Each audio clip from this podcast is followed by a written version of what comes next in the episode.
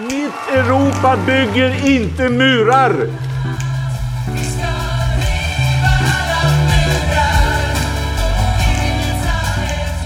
Syftet med de åtgärder som vi nu presenterar är att skapa ett andrum för svenskt flyktingmottagande. Mycket av det som regeringen sa igår ställer ju oss vi positiva till och vi tror också att en del av det kan dämpa trycket.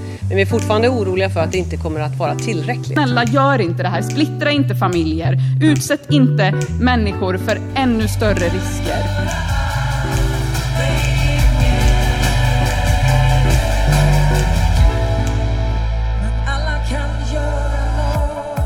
Hej och varmt välkomna till Människor och migration.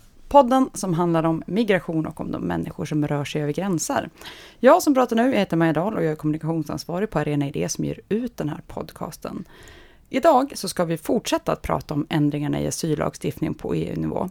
Förra avsnittet så gick vi igenom förslaget till skyddsgrundsförordning, alltså det som reglerar vem som kan betraktas som flykting eller skyddsbehövande. Alltså på vilka grunder som en asylsökande ska kunna beviljas skydd i ett EU-land. Idag så ska vi prata om förslag till asylprocedursförordningen och mottagandedirektivet. Där asylprocedurförordningen beskriver hur handläggningen av ett asylärende ska gå till och vilka rättigheter en asylsökande har. Och där mottagandedirektivet fastställer då miniminormen för mottagandet av asylsökande av medlemsstaterna. Eh, och det här reglerar då för bosättning, skolgång, arbete och sjukvård med mera. Och vi ska prata om hur, vad de här förslagen får för konsekvenser för de som söker skydd och hur det påverkar svensk lagstiftning. Med mig för att prata om det här har jag som vanligt Arena Idés utredningschef, statsvetaren Lisa Pelling. Hej. Välkommen! Tack så mycket. Och asylrättsadvokaten Ignacio Vita. Välkommen! Tack så mycket.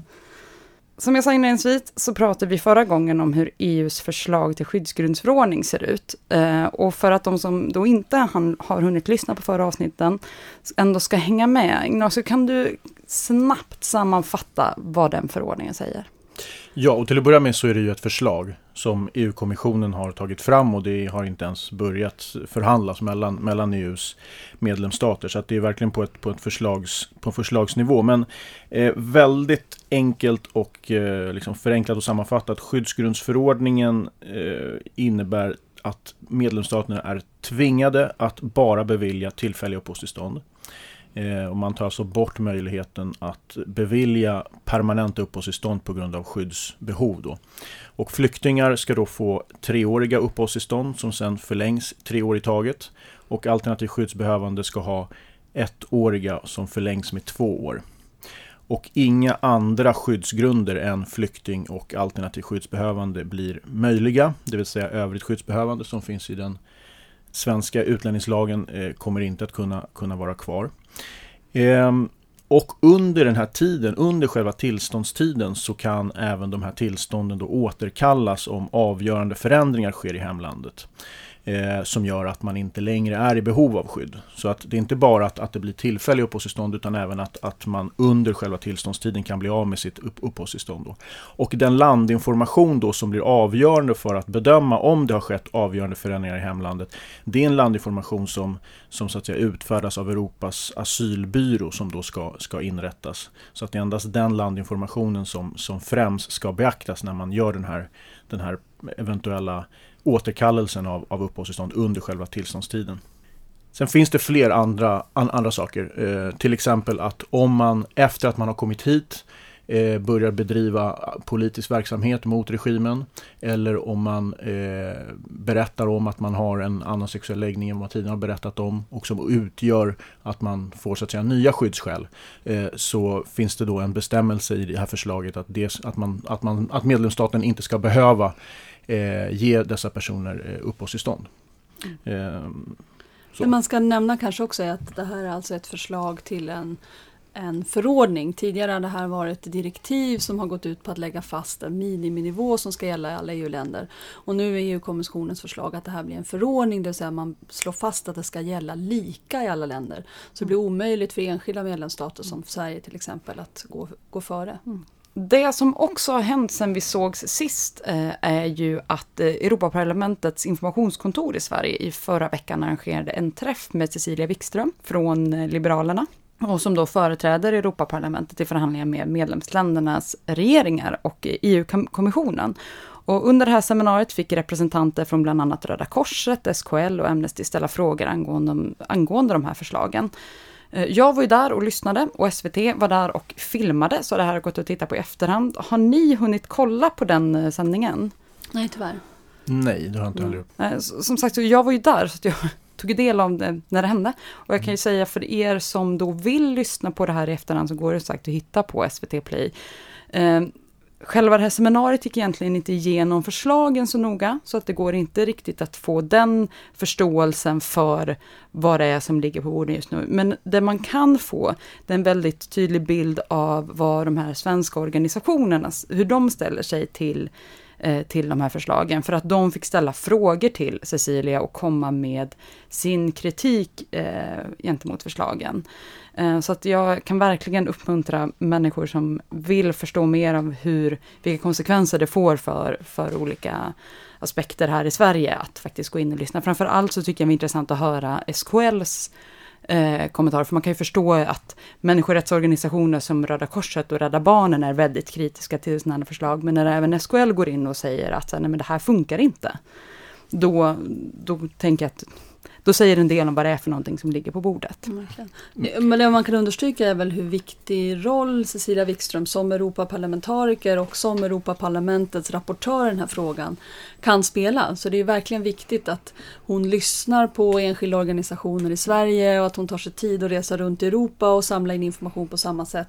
Och att vi bevakar att hon agerar utifrån det. För som det brukar vara i de här frågorna så brukar Europaparlamentet kunna inta en mer solidarisk, en mer human inställning än vad kommissionen kan och definitivt mer eh, eh, human och solidarisk position än vad respektive regerings inrikesministrar brukar kunna eh, komma fram till. Så det, hon har en väldigt viktig roll i det här. Mm.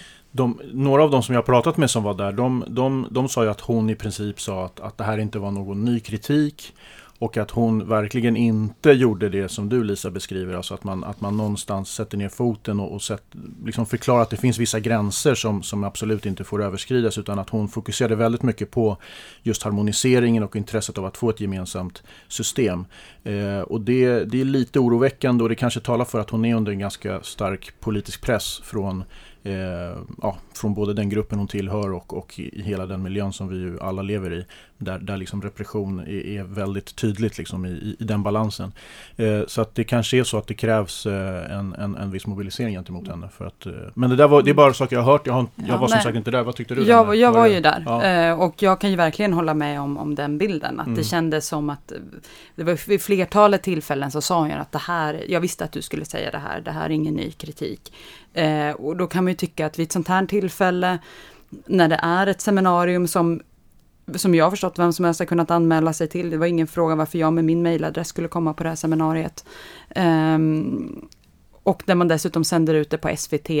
Att där kan jag efterfråga en större öppenhet till den kritik som kommer. Det spelar faktiskt ingen roll om hon har hört den här kritiken förr. Om hon dessutom, som vilket jag upplever, inte besvarade kritiken. Utan i väldigt många fall faktiskt duckade frågorna. Och Absolut, hon står inte efter, inför en jättelätt uppgift att försöka hålla liksom, asylrätten eh, högt på en EU-nivå. Det, det, det, förstår vi alla att hon står inför ett jätte, en jätteproblematik. Men och, så här, det lyftes ju också under det här samtalet att det är väldigt många av förslagen ligger på väldigt låg nivå och det är oroväckande att man börjar på en så låg nivå. Och då krävs det också att hon verkligen visar att hon tar in och lyssnar på den kritiken som kommer från MR-organisationerna. Mm. Vilket, ja, som sagt, inte riktigt känns som att det var helt och hållet inlyssnande. Men den som vill kan gå in och titta på det här i efterhand och Eh, bilda sig en egen uppfattning. Jag tror att den fortfarande ligger uppe och vi kommer länka till det eh, på vår Facebookgrupp.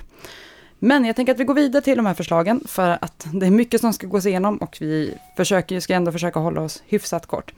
Eh, och jag tänkte då att vi börjar med de förslag som gäller om hur det ska gå till när en asylansökan bedöms, alltså asylprocedursförordningen. Eh, och det här är ju ett förslag för hur EUs medlemsländer ska börja jobba på samma sätt, alltså en harmonisering av EU-lagstiftningen. Ehm, Lisa, kan du säga något mer om hur det ser ut idag? Hur skiljer det sig mellan länder åt? Vad är det man liksom ska försöka få samman? Mm. Väldigt, väldigt kortfattat kan man säga att det skiljer sig väldigt mycket åt. Det är väldigt stora skillnader i asylprocessen och hur den är upplagd eh, och vilka eh, möjligheter till rättssäkerhet framförallt är det liksom det grundläggande i den här processen som den skyddssökande har. Eh, så att även om det är så att EU på papper pappret har en gemensamt skyddsgrundsdirektiv som man nu då föreslår ska bli en skyddsgrundsförordning, det vill säga att man har samma kriterier för vilken slags skyddsbehövande som ska beviljas skydd, så ser processen mot att få sina skäl bedömda, eh, möjlighet att lägga fram sina skäl, möjlighet att bevisa att man verkligen har behov av skydd väldigt olika åt. En, en trend som, som man ser i flera flera europeiska länder att det görs försök att ofta på bekostnad av just rättssäkerheten skynda på den här processen in absurdum. Till exempel har Holland eh, och de Nederländerna gått före i ett, i ett försök att verkligen eh, göra tidsgränser som är korta på en vecka vecka på olika, de säger inom en vecka så måste ni bestämma om det här är Dublinärende eller inte. Inom en vecka så måste ni bestämma om det här är ett fall av en person som kommer från ett land som kan anses vara säkert. Inom en vecka måste det utredas om man har nationalitet som ska behandlas enligt, enligt en speciell eh, regel. Så där, där finns det en väldigt, väldigt oroväckande trend. Man kan väl också säga, och det har vi pratat om tidigare i podcasten att Sverige skiljer ut sig från att ha en asylprocess som inte är direkt politiskt styrd. Hos oss är det Migrationsverket som prövar den första ansökan och överklagar man så överklagar man till domstol, inte till eh, som det var tidigare i Sverige också, Utlänningsnämnden som man överklagar till som bestod av, av politiska representanter. I andra länder är politikernas möjlighet att gripa in i den här processen mycket, mycket större. Nu var ju du lite grann inne på att det kan ta lite olika tid för, för länderna just när det kommer till asylprocedur, eller asylprocessen. Och som det står i det här förslaget så vill man ju skapa en enklare, tydligare och kortare förfaranden. Alltså, vad, vad innebär enklare, tydligare, kortare? Ja, det innebär flera olika saker. Man kan säga att det här förslaget, om det skulle gå igenom, så skulle det innebära en dramatisk förändring i hela liksom, strukturen på den svenska asylprocessen. Eh, där, man, där man då vill försöka göra det, som sagt, enklare, tydligare och kortare. Men det blir en, en enorm byråkratisering. Eh, man, man tänker sig att det ska liksom, själva det här att söka asyl ska ske liksom i tre olika steg. Där man först, då som de kallar det för, gör en asylansökan. Sen så lämnar man in den och sen registreras den och så är det väldigt många säga, olika tidsfrister för, för de här olika stegen för att man överhuvudtaget ska, ska anses ha, ha gjort en asylansökan. Eh, och de här fristerna är ju då tvingande för, för, för de olika länderna. Och det man säger är ju att som huvudregel så skall en, ett, en asylprocess vara i sex månader. Så att ett första beslut måste komma eh, inom sex månader. Och är det så att man som medlemsstat inte tror att man hinner med det så kan man få dispens med, för tre månader till och därutöver måste man be om hjälp för den här Europeiska asylbyrån som ska komma in och, och hjälpa till att, att snabba upp processen. Då. Hur lång tid är processerna idag? Om, om vi jämför i Sverige, om det nu det är sex månader man pratar om här, hur skiljer det sig mot vart det ligger ungefär? Alltså just nu på grund av den, den liksom väldigt eh, liksom tydliga ökningen som var hösten 2015 så är ju, så är ju handläggningstiden tror jag 10-12 månader. Det är möjligt att den har gått ner lite nu, mm. det, det, vet jag inte men det är där den ligger ungefär. Mm. Eh, så att, eh, Och ja. innan eh, hösten, alltså vad, vad har det brukat legat på? Så att man vet ungefär vart vi, vad vi jämför med här. Mm. Det har varit väldigt olika. Jag tror att som lägst har vi i Sverige legat på ungefär tre månader. Mm. Men, men det är eh, inte vad man har legat på historiskt. Historiskt sett har det varit eh, längre. Eh, men framför allt så blir det längre när man räknar in tider för överklaganden. Det är ofta där som de, de långa väntetiderna har, har brukat uppstå. Precis. Mm. Och sen, Men rätta också för eftersom det kan man tänka sig de svår, mest svårbedömda fallen som går vidare till överklagande. Eh, så det är naturligt att, att det tar längre tid att pröva de, de, de fallen också. Mm. Men sen det man gör här är ju också att man inför mer tvingande regler för, vad ska man säga, mer påskyndade förfaranden. Eh, till exempel om, om det är så att man eh, kommer ifrån ett säkert tredje land eller om man kommer från ett säkert första asylland. Då blir det, då blir det till exempel tio arbetsdagar ska man ha fattat beslut om huruvida man ska skicka tillbaka den här personen till ett annat land. Antingen till ett första asylland eller till ett säkert tredje land. Vi kommer komma in på de sakerna senare. Vad, är eh, ett säkert tredje land eller ett säkert första asylland? Vad, vad kan det vara? Alltså, båda begreppen eh, handlar ju om att en person som kommer hit och söker asyl kan få ett skydd i ett annat land. Och med skydd menas att man kan få en, en, en asylprövning i ett annat land helt enkelt. Och första asylland innebär att man eh, har fått ett skydd i ett annat land. Till exempel att man har beviljats flyktingstatus eller alternativ skyddsbehövande. Eh, eller att man har ett, ett, ett, eh, eller att en påbörjad asylprocess i det landet. Medan säkert tredje land innebär ett land dit man kan få tillgång till en asylprövning. Eh, så att till, kommer man ifrån något av de, av de länderna, då, eh, då kommer man att skickas tillbaka. Och det beslutet, det är det första som medlemsstaten har att ta ställning till när någon har sökt asyl. Det, det är ett beslut som, som ska fattas eh, eh inom tio arbetsdagar. Sen tror jag att, jag vet inte om vi kommer komma tillbaka till det sen, men sen själva, det kommer ju upprättas en förteckning över vilka säkra länder som finns och de kommer att vara liksom, eh, beslutade på unionsnivå och medlemsstaterna kommer ha väldigt små möjligheter egentligen att avvika ifrån, ifrån, ifrån det här. Vilket naturligtvis eh, eh ökar rättsosäkerheten ganska radikalt för, för, dem, för den gruppen. Mm. Men vi, vi kanske kommer tillbaka till det. Mm. Ja, man, man skulle kunna ta som exempel en person som flyr från Afghanistan. Då flyr man om man flyr i Europas riktning så flyr man över gränsen till Iran. Då kan eh, man välja att bedöma Iran som ett första säkert asylland och kräva att den här personen ska söka asyl i Iran. Man kan också, eftersom man ofta på väg från Iran till Sverige till exempel passerar Turkiet, anse att Turkiet är ett säkert tredje land och avvisa till Turkiet och hävda att man ska så att säga ehm, ehm, lämna in sin ansökan om asyl i Turkiet.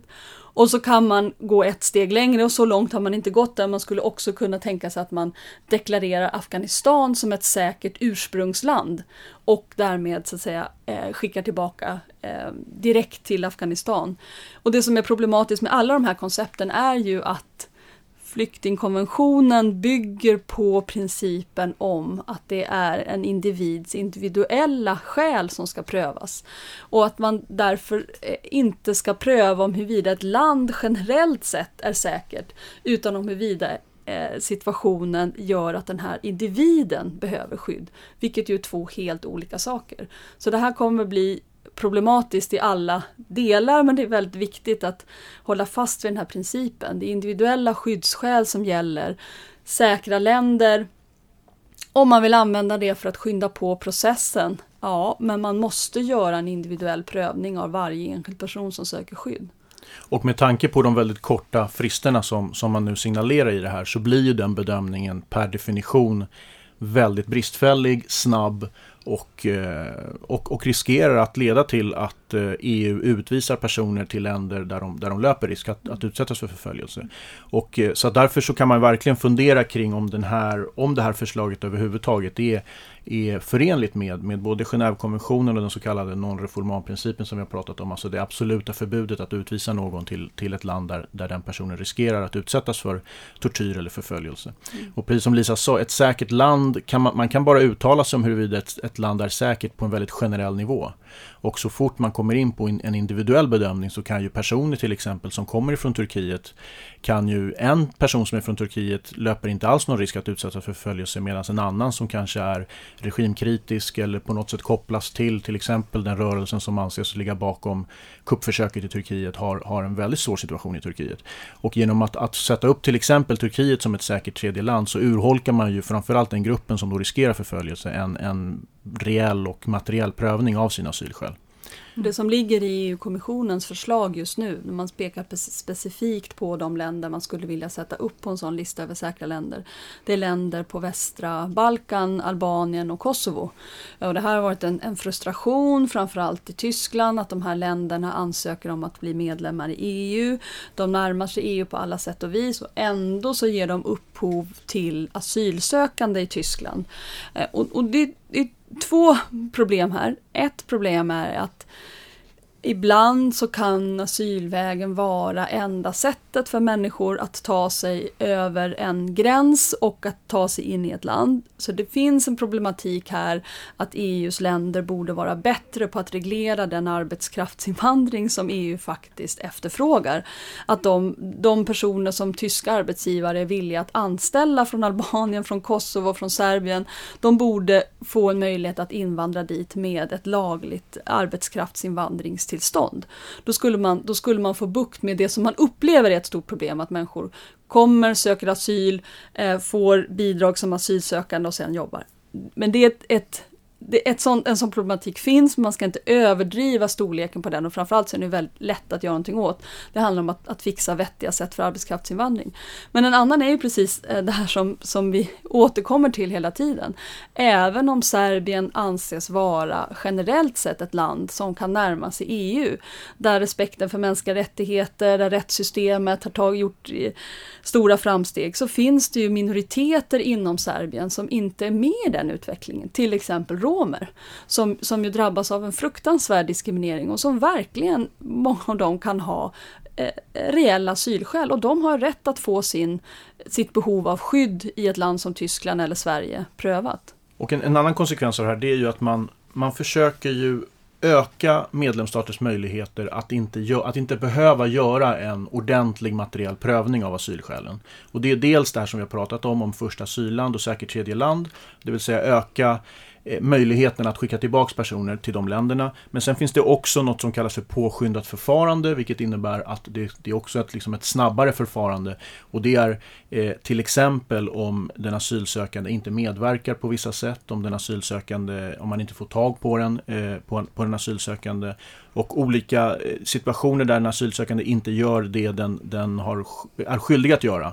En av de sakerna är också att man är tvungen att vistas i den, den medlemsstaten där man har, har sökt asyl.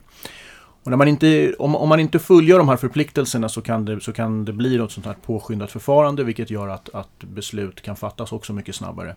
Eh, så att det kommer bli, jag tror att det, det, det, man vill är ju att skapa så många möjligheter som möjligt att göra snabba beslut utan att behöva göra ingående prövningar av personens asylskäl.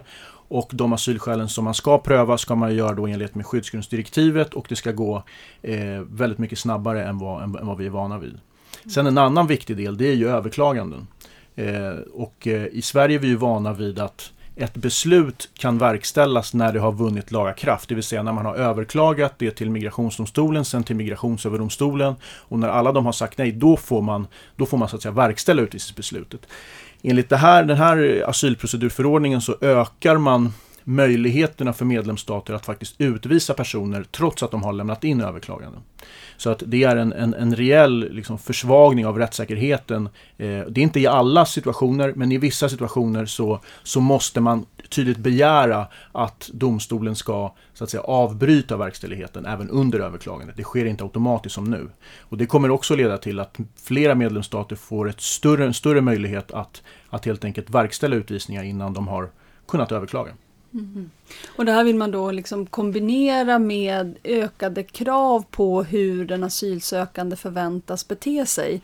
Till exempel så finns det i det här, precis som du sa Ignacio, krav på att den asylsökande till exempel ska vara tillgänglig.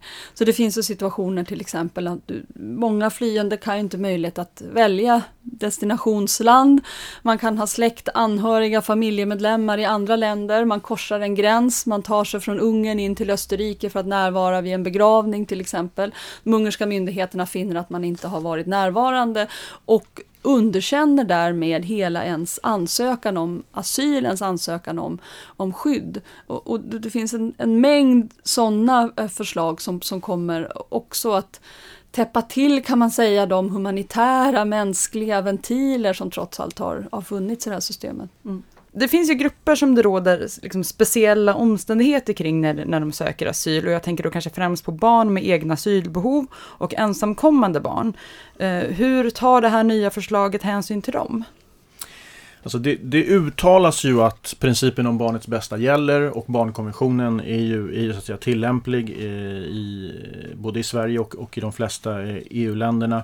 Sen är det, inte, är det ju inte liksom helt solklart hur det här faktiskt förhåller sig för det finns ju ett antal bestämmelser och många av de inskränkningar i rättssäkerheten som, som asylprocedurförordningen innebär hämmar ju och påverkar ju barn, barn väldigt tydligt. Men det finns faktiskt några saker som, som stärker barns rättigheter i relation till hur det är just nu. Och när det gäller ensamkommande barn så ska ju då en god man, eller förmyndare kallar de det för, utses för dem så snart som möjligt och inte senare än fem arbetsdagar från det att ensamkommande barn gör en ansökan. Och det sker ju inte idag. Idag kan det ta flera månader ibland innan en person får en god man, så som situationen är idag. Så det är ju, det är ju en väldigt tydlig eh, liksom, förstärkning av framförallt ensamkommande barns rättigheter. Dessutom så är det så att medlemsländerna måste säkerställa att varje god man tilldelas ett rimligt antal barn som, som, som, de ska ha ansvar för. Och det finns även bestämmelser om ett, ett system som ska införas för att övervaka eh, varje god mans arbete. Det är också någonting som är väldigt bra och väldigt viktigt för, för det finns fler och fler tycker jag fall av gode män som inte fullgör sitt uppdrag. Eh, och, eh, och därför så, så, behövs ju tillsynen och granskningen eh, ökas väsentligt mycket mer. Så att när det gäller, när, när det är de två sakerna tycker jag att, att asylprocedurförordningen är, är helt klart på rätt väg. Men sen finns det ju flertal andra saker som som är, är besvärande även för barn naturligtvis. Mm. Om man då tänker då på barn med egna asylbehov. Eh, vi pratar nu om att eh, man har först tio dagar på sig för att bestämma om det här ska prövas överhuvudtaget och sen så ska man gå vidare med asyl, eh, asylprövningen i sig. Eh, vi har pratat om tidigare här i podden att barn som kommer med sina föräldrar kan ju fortfarande barnet ha ett, asyl, ett asylskäl som, som är för den själv. Mm. Hur tar den här förordningen, hur tar, hur tar den hänsyn till det barnet? Ja, det är en väldigt bra fråga. Eh, det är så här att eh, i, tidigare så har EU-domstolen sagt att man inte får skicka tillbaka ett barn. Eh, oavsett om du har asylskäl eller inte, i, till exempel i enlighet med Dublinförordningen. Utan då är det det senaste landet som gäller. Eh, här, här säger man ju att man definitivt ska skicka tillbaka personer till både säkert tredje land och första asylland alldeles oavsett om man, det, det, finns ingenting i asylprocedurförordningen som, som stadgar att, att barn är undantagna från den. Så att den här asylprocedurförordningen befinner sig just nu i strid med EU-domstolens EU-domstolens praxis. Och just det här du nämner, alltså vad, hur hanterar man det faktumet att det finns barn både i familjer och ensamkommande som har asylskäl och hur påverkas de av de här reglerna om, om att återsändas och de här väldigt korta, eh, korta fristerna är ju, är ju någonting som man faktiskt inte berör i förslaget och som är en väldigt viktig utifrån ett människorättsperspektiv en viktig inskränkning som, eh, som sker här. Och man måste komma ihåg det och det gäller generellt tycker jag med, med de här korta fristerna och att man ska göra det så mycket snabbare och mer effektivt. Det är ju att många barn behöver tid. De behöver tid att landa, de behöver tid att berätta om vad de har varit med om. De behöver tid att, att liksom hantera den nya situationen som de befinner sig i. Och att inte få den tiden kommer att hämma dem väsentligt. Det kommer att begränsa deras möjligheter att berätta om sina asylskäl, att känna trygghet i hela den processen som, som, som sker nu. Både i kontakten med ombud, med god man och med Migrationsverket. Så att när allting går stressigt och ska gå snabbt, då det, det förstör människors möjligheter att berätta om svåra upplevelser och traumatiska erfarenheter. Så jag, jag menar att hela den här den här väldigt nästan, eh, man är nästan besatt av att göra det så snabbt och enkelt som möjligt eh, kan i slutändan leda till, till att, att eh, mångas asylskäl inte utreds tillräckligt och att många människors eh, rätt till, till internationellt skydd urholkas. Mm. Jag tänker att vi ska gå vidare då och prata om det andra förslaget som är mottagandedirektivet. Eh, och det behandlar ju då det stöd som en asylsökande kan få i ankomstlandet. Eh, och vad det är som gäller kring själva mottagandet i det nya landet. Vi pratade lite grann förra avsnittet om att en människa inte bara väljer att söka asyl i ett visst land på grund av hur skyddsgrunderna ser ut och hur långa skydd man får till exempel, utan även vilken sorts liv man kan få i det nya landet man kommer till. Eh, och väljer menar jag då att, att det finns ändå man kan ändå se att till exempel fler kanske vill söka asyl i Sverige än i Ungern. Eh, men vilka aspekter ingår i det här förslaget eh, och på vilket sätt vill man jobba med det harmoniserande mottagandet? Mm.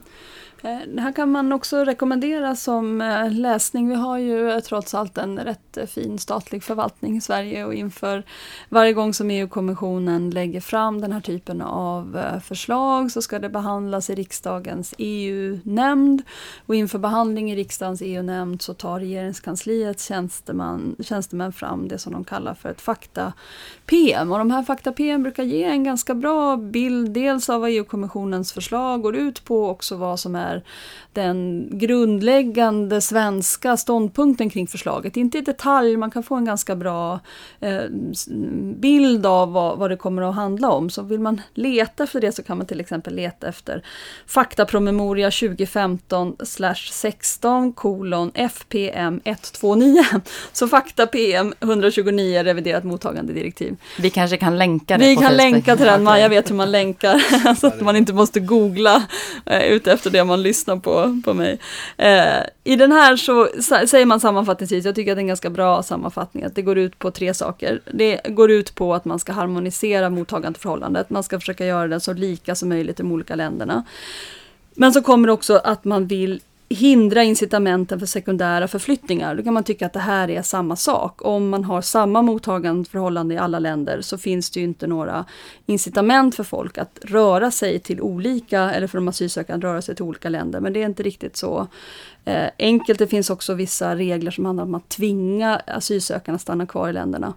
Och sen så finns det förslag som handlar om att man ska eh, påskynda tillträde till arbetsmarknaden. Så att asylsökande som måste vänta länge på beslut ska få en möjlighet att jobba. Så det är de tre, de tre delarna. Eh, det här förslaget pratar ju även om liksom, tillträde till arbetsmarknaden. Här vet vi att arbetsvillkor kan skiljas åt mellan olika länder inom EU. Fackföreningsrörelsen är olika stark i olika delar av samarbetet. Alltså, vad säger det här förslaget kring tillträde till arbetsmarknaden och på vilka villkor det kommer ske? Eh, kan det här förslaget i realiteten stärka arbetsrätten runt om i EU, Lisa? Ja, den stärker ju arbetsrätten i så mån att människor nu får en laglig rätt att jobba. Man kan förutsätta att mottagandevillkoren kommer att vara fortsatt så dåliga att många kommer att ha ett behov av att jobba men inte har rätt att jobba. Och nu, nu eh, kommer regeln att ändras om att om eh, medlemsstaten bedömer att det kommer att ta längre tid än sex månader att behandla ansökan så ska den asylsökande få rätt att jobba. Tidigare var den regeln nio månader. Man uppmuntras att ge tillträde till arbetsmarknaden efter tre månader. Så det finns ju en potential i det här förslaget att minska antalet papperslösa så att säga, asylsökande. De har ju en laglig rätt att vistas i EU som asylsökande men då inte en laglig rätt att att jobba. Eh, så där, där kan man ha en viss, eh, viss hopp om det, men sen, sen är det ju väldigt mycket mer som ska till för att i praktiken skydda de här arbetstagarnas rättigheter. De kommer ju att tillhöra de mest utsatta på, på arbetsmarknaden. Mm. Det jag skulle vilja lägga till, och det är, ju, det är ju ett intressant perspektiv på alla de här frågorna, att det är klart att EU i någon mån hjälper till att sätta internationella standards och normer för hur asylprövning ska gå till och hur mottagande av flyktingar ska se ut. Och en, en sak som man har insett Eh, särskilt under de år som inbördeskriget i Syrien har rasat i Europas absoluta närhet, där de allra, allra flesta som har flytt undan stridigheter och bomber och förtryck i Syrien har flytt till de närmsta grannländerna, är att när de närmsta grannländerna inte ger flyktingar en möjlighet att jobba, då måste man söka sig vidare till eh, Europa.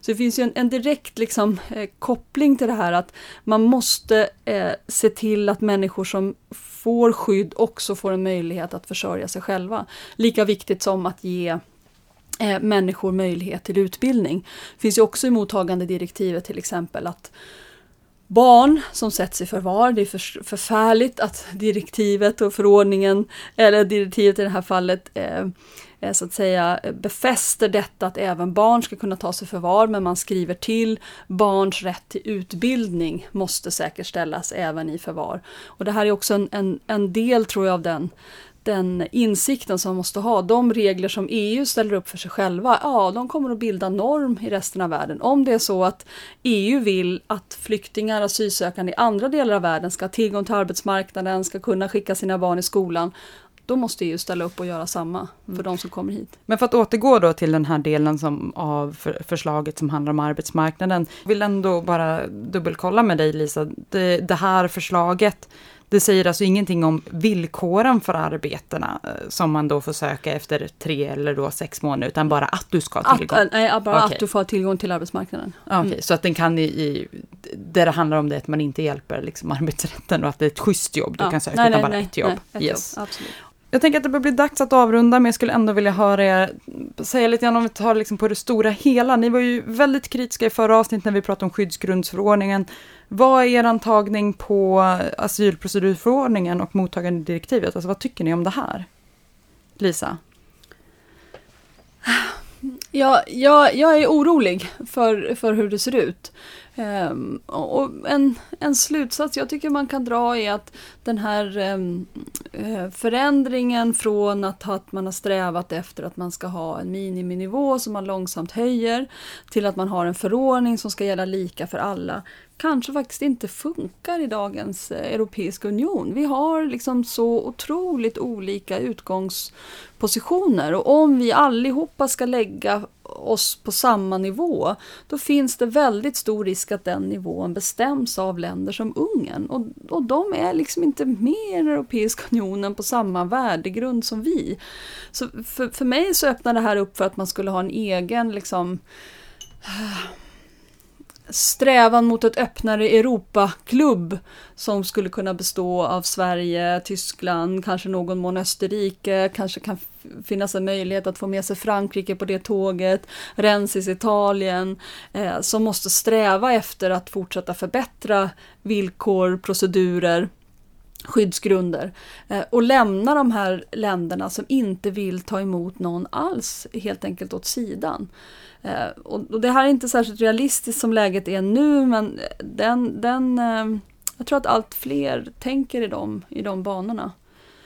Och jag, det jag ser nu är att eh, man konstruerar system som harmoniserar på de asylsökandes bekostnad. Alla håller med om att det vore bra om EU hade gemensamma regler på de här områdena. Och det är bra att man lägger fast standards och normer, för det finns verkligen länder där, där, där eh, mottagandet är under all kritik, där asylprocessen inte är tillräckligt rättssäker, där man inte ger människor skydd som borde få skydd. Och det finns verk, verkligen väldigt mycket att göra, men som det ser ut nu så tvingar man fram den här harmoniseringen på bekostnad av eh, asylsökande. Till exempel genom restriktioner när det gäller att röra sig mellan olika europeiska länder. Man är fullständigt besatt vid det här med att förhindra sekundära förflyttningar. Ja, men precis. Alltså, just den här, den här besattheten av sekundära förflyttningar, det låter ju kanske lite teoretiskt och abstrakt, men någonstans vad det handlar om är ju att med, med juridiska och politiska förslag eh, må, alltså förhindra människor att följa den liksom, mest grundläggande och mest basala viljan att ha ett värdigt liv som människor ju eftersträvar, som vi alla eftersträvar hela tiden, varje dag. Och, och ett sånt, att, att hindra människorna att göra det innebär per definition väldigt mycket våld, väldigt mycket repression, väldigt mycket tvång. Och det kan inte ske utan väldigt avgörande kränkningar av, av de mest grundläggande rättigheterna.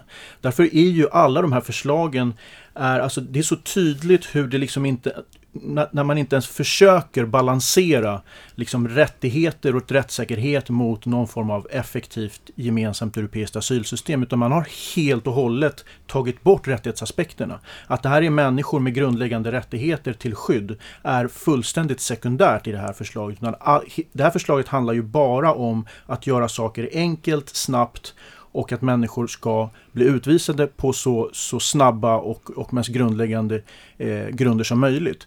Och det, det är väldigt tydligt liksom hur det här är en Alltså det är svårt att föreställa sig hur mycket värre det skulle kunna bli än de här förslagen. Så man har ju verkligen la, lagt ett förslag som eh, faktiskt utgör grundläggande kränkningar. Och det, är det är jag ändå lite förvånad över. Jag tycker att EU-kommissionen har ju tidigare i alla fall försökt vara progressiva och försökt väga rättigheter mot effektivitet i flera av de förslag som har lagts tidigare. Men nu, nu går man in på en nivå som jag tycker är, är fullständigt oacceptabel.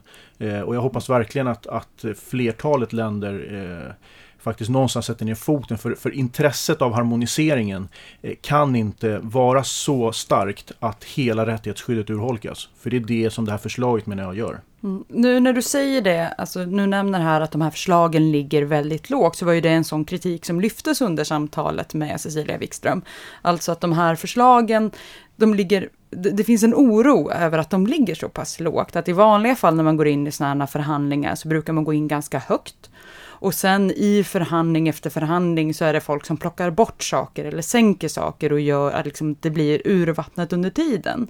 Men när man redan börjar så här lågt, som jag ändå uppfattar att ni också tycker att det är, vad är det som kan vara kvar i slutet?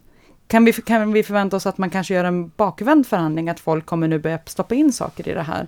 Eller är det här det bästa vi kan få? Vad tror ni? Alltså som jag läser läget i Europa just nu och särskilt i, i eh, tidigare Östeuropa med den eh, extremt nationalistiska regeringen i Polen, med den högerextrema extremt nationalistiska regeringen i Ungern, med regeringen i Tjeckien som företräder ett land som sedan landets grundande har tagit emot mindre än tusen eh, eh gett mindre än tusen människor skydd, eh, så eh, eh, kommer man inte att komma på en nivå som är eh, rimlig. Om vi alla länder ska enas om ett gemensamt tak, då kommer det ligga alldeles för lågt. Och då finns det en, en aspekt som, som är viktig i det här och det är ju det folkliga stödet för en eh, reglerad invandring. Man kan tänka sig att åtminstone vår regering är, eh, tycker att det här är viktigt, det vill säga att man har ett stöd för att eh, det finns ett förtroende för att människor som behöver skydd får skydd och att de människor som inte beviljas skydd är människor som inte heller behöver skydd och som det därmed är legitimt att avvisa, till och med tvångsavvisa. Det finns ju liksom en, en, en, en tanke att det här ska man liksom ställa upp på, man ska tycka att det är rimligt om man jobbar på Migrationsverket eller polisen, men till och med också om man är granne eller klasskompis eller lärare eller så. Och om det här hamnar för lågt, ja då finns det inte en chans att människor i Sverige kommer ställa upp på det här längre. Att, att man, det kommer vara så övertydligt att människor inte, som har behov av skydd inte får det och att eh, eftersom processen inte är tillräckligt bra, att människor som har behov av ett vettigt, rimligt mottagande inte får det. Eh, att det öppnar upp för parallellsamhällen, det öppnar upp för ehm, eh, att, att inte respektera de regler som finns och det, det i sig är, är, är också väldigt, väldigt problematiskt. Vi, vi har, tror jag, i Sverige, i ett antal andra EU-länder, en helt annan uppfattning om vad som är rimligt, vad som är vettigt vettigt, vad som är värdigt. Och det gäller, vi måste försvara det och i värsta fall får vi skilja oss från de andra EU-länderna i den här frågan och säga att vi, vi kör vidare på ett eget spår här. Mm. Men kommer det gå att göra då? Alltså kan, kommer vi kunna säga nej men det här det här går vi inte med på. Alltså jag skulle, önska, jag skulle önska faktiskt, om, om jag liksom tar vår migrationsminister på, på orden och han säger att han reser ner till Bryssel för att försvara asylrätten. Vi säger att vi tar honom på orden. Då tror jag att i det här läget får han vara lika obstinat som, som Ungerns regering och säga, när Ungerns regering säger sänk, sänk, sänk, så får han säga nej, det här är bottennivån. Om ni sänker mera, då hoppar jag av de här förhandlingarna. Då tänker inte vi liksom inordna oss i EUs gemensamma system med de här frågorna längre. Får det vara lite liksom trots från svensk sida. Annars blir det svårt att tro på att den svenska regeringen företräder asylrätten i Bryssel. Så är det ju också. Mm. Sen är det ju alltså att säga att man försvarar asylrätten är ju ganska enkelt. Eh, samtidigt är det ju svårt att eller svårt, det, det, om man gör det och vill, vill så att säga, står för det på riktigt, då måste man ju granska alla de här förslagen, alla de här bestämmelserna kring hur de successivt och på olika sätt urholkar asylrätten. Eh, det är ju det, det är ju väldigt tydligt, i alla de här förslagen så talar man ju om Genèvekonventionen, man talar om Europakonventionen och att de här förslagen ligger i linje med dem. Samtidigt som det är uppenbart att de inte gör det. Och då, då kan man inte eh, så att säga, komma tillbaka från EUs förhandlingar och säga så här, nej, men vi har, vi har försvarat asylrätten, Genèvekonventionen står fast, Europakonventionen står fast och därför så, så är vi beredda att stödja det här förslaget, för då har vi så att säga försvarat asylrätten. Eh, det gäller ju att göra en mycket mer nyanserad analys av hur de här förslagen faktiskt urholkar asylrätten som vi var inne på i förra poddavsnittet och även i det här. Eh, som innebär väsentliga kränkningar av grundläggande rättigheter. Och jag tror att man någonstans, och jag hoppas verkligen att den svenska regeringen och även andra regeringar som har liksom en humanistisk grundsyn, förhoppningsvis har kvar den i alla fall, tänker sig att, att, att no, det finns ju en gräns för hur man kan behandla människor. Det finns en gräns där när man väl har passerat den så gör det någonting med oss själva och vårt samhälle och hela vår liksom, europeiska civilisation som gör att vi liksom inte kan gå under på det här sättet som, som sker nu. För det här kommer att påverka hela människorättsskyddet i hela Europa, inte bara för migranter och flyktingar utan överhuvudtaget för vår syn på rättigheter, för vår syn på människorättskonventioner och deras betydelse för liksom hela vår demokratiska utveckling. Så att det är väldigt mycket som står på spel just nu och, och eh, man, vill ju, man, man vågar ju inte riktigt säga att jag tror inte att det kan bli värre än det här. Det sa ju vi i höstas också och vi fick en, en, en tillfällig asyllag som ju är, är katastrofal. Så att, så att det är helt uppenbart att politikerna är så pass pressade så att de är beredda att överge grundläggande principer som tidigare var otänkbara att överge. Eh, och och vi, vi, ser ju också nu, som Morgan Johansson var ju ute senast i Agenda och sa att vi, Sverige kan inte ta ansvar för alla Mellanöstern tonårspojkar. Alltså hur han ens har mage att, att sitta och säga det när, när Sverige överhuvudtaget inte tar ansvar för dem. Tvärtom så går ju vår statsminister ut och säger att situationen i Mosul talar för att vi måste bevara gränskontroller. Det är att inte ta ansvar för Mellanösterns tonårspojkar. Och, och att, att vi ser ju hur liksom den här glidningen i politisk retorik också bäddar för den här typen av förslag som vi har nu där man, där man just behandlar människor på ett sätt som, som skulle vara otänkbart tidigare. Mm. Så att jag är väldigt orolig för, för, för hur, hur de här förhandlingarna kommer att gå till till och framförallt med tanke på att det är bakom lyckta dörrar i stor utsträckning. Mm. Både, både den dialogen som sker och, och vad man faktiskt kommer överens om. Så där måste regeringen, den svenska regeringen verkligen ta sitt ansvar och, och markera tydligt att vi kan inte gå under eh, det vi redan är på. Mm. Det är det som är så fruktansvärt sorgligt att det här sker samtidigt som eh, FNs flyktingkommissarie berättar att man aldrig någonsin tidigare har registrerat så många människor på flykt. Det EU borde prata om är att man borde utöka sitt mottagande, förbättra sina procedurer, eh, eh, ta ett större ansvar för den situation som finns i världen istället för att satsa allt på att utestänga, tvinga bort, avvisa som man gör nu. Det, ja, det är verkligen, verkligen sorgligt. Mm. Och jag tänker då när vi pratar om de här frågorna, vi pratar om politikernas ansvar och pratar om vad, vad, Sverige borde göra, så finns det ju en annan del av Sverige som jag ser också som borde vara mer aktiv här och det är ju journalistkåren. Uh, är det någonting som jag nu skulle vilja se framöver, nu när vi pratar om hur de här förslagen ser ut och att mycket sker bakom lyckta dörrar och mycket i ganska knöliga skrifter, det är ju att de flesta stora redaktioner måste skaffa sig en migrationsexpert. De måste ha någon som kan läsa de här dokumenten, som kan förstå de här dokumenten och åtminstone vet vem de kan ringa för att få hjälp att guida sig själva igenom det här.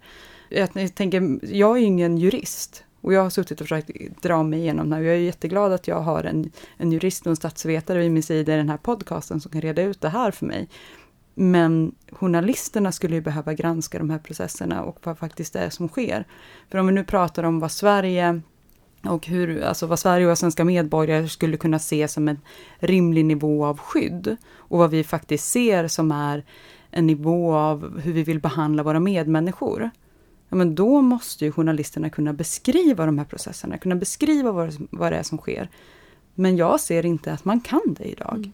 Och jag vet att det finns en mediekris, men vi håller ju på att få en medmänsklig kris utan dess like mm. med det här. Um, ja, det får bli det sista som sägs här idag. Ett litet lästips kan man ge för The Guardian som är den här stora ja. brittiska tidningen. De har faktiskt sedan lite drygt ett år tillbaka haft en egen migrationskorrespondent. Mm.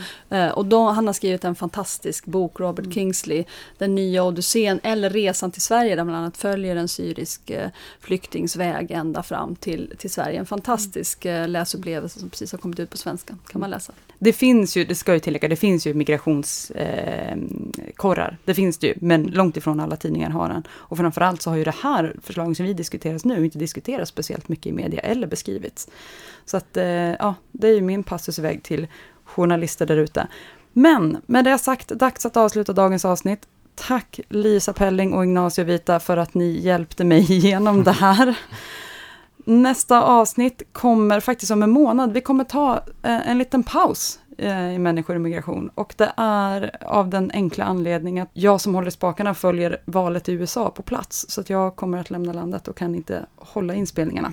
Eh, men vi lovar att vara tillbaka om en månad och fortsätta prata om migration. Om ni som lyssnar inte klarar er utan någonting som Arena Idé ger ut tills dess, lyssna jättegärna på vår syskonpodd Pengar och politik eller gå in på Arena Play så hittar ni inspelningar från våra seminarier. Och ni hittar ju både Pengar och politik och Arena Play via Soundcloud, iTunes eller där ni helst lyssnar på poddar. Har ni frågor eller kommentarer på dagens avsnitt går det jättebra att twittra till oss på arenaid eller skriv på vår Facebook-sida. Sök bara på människor och migration så hittar ni oss där. Tusen tack för att ni har lyssnat idag. Hej då! Ja.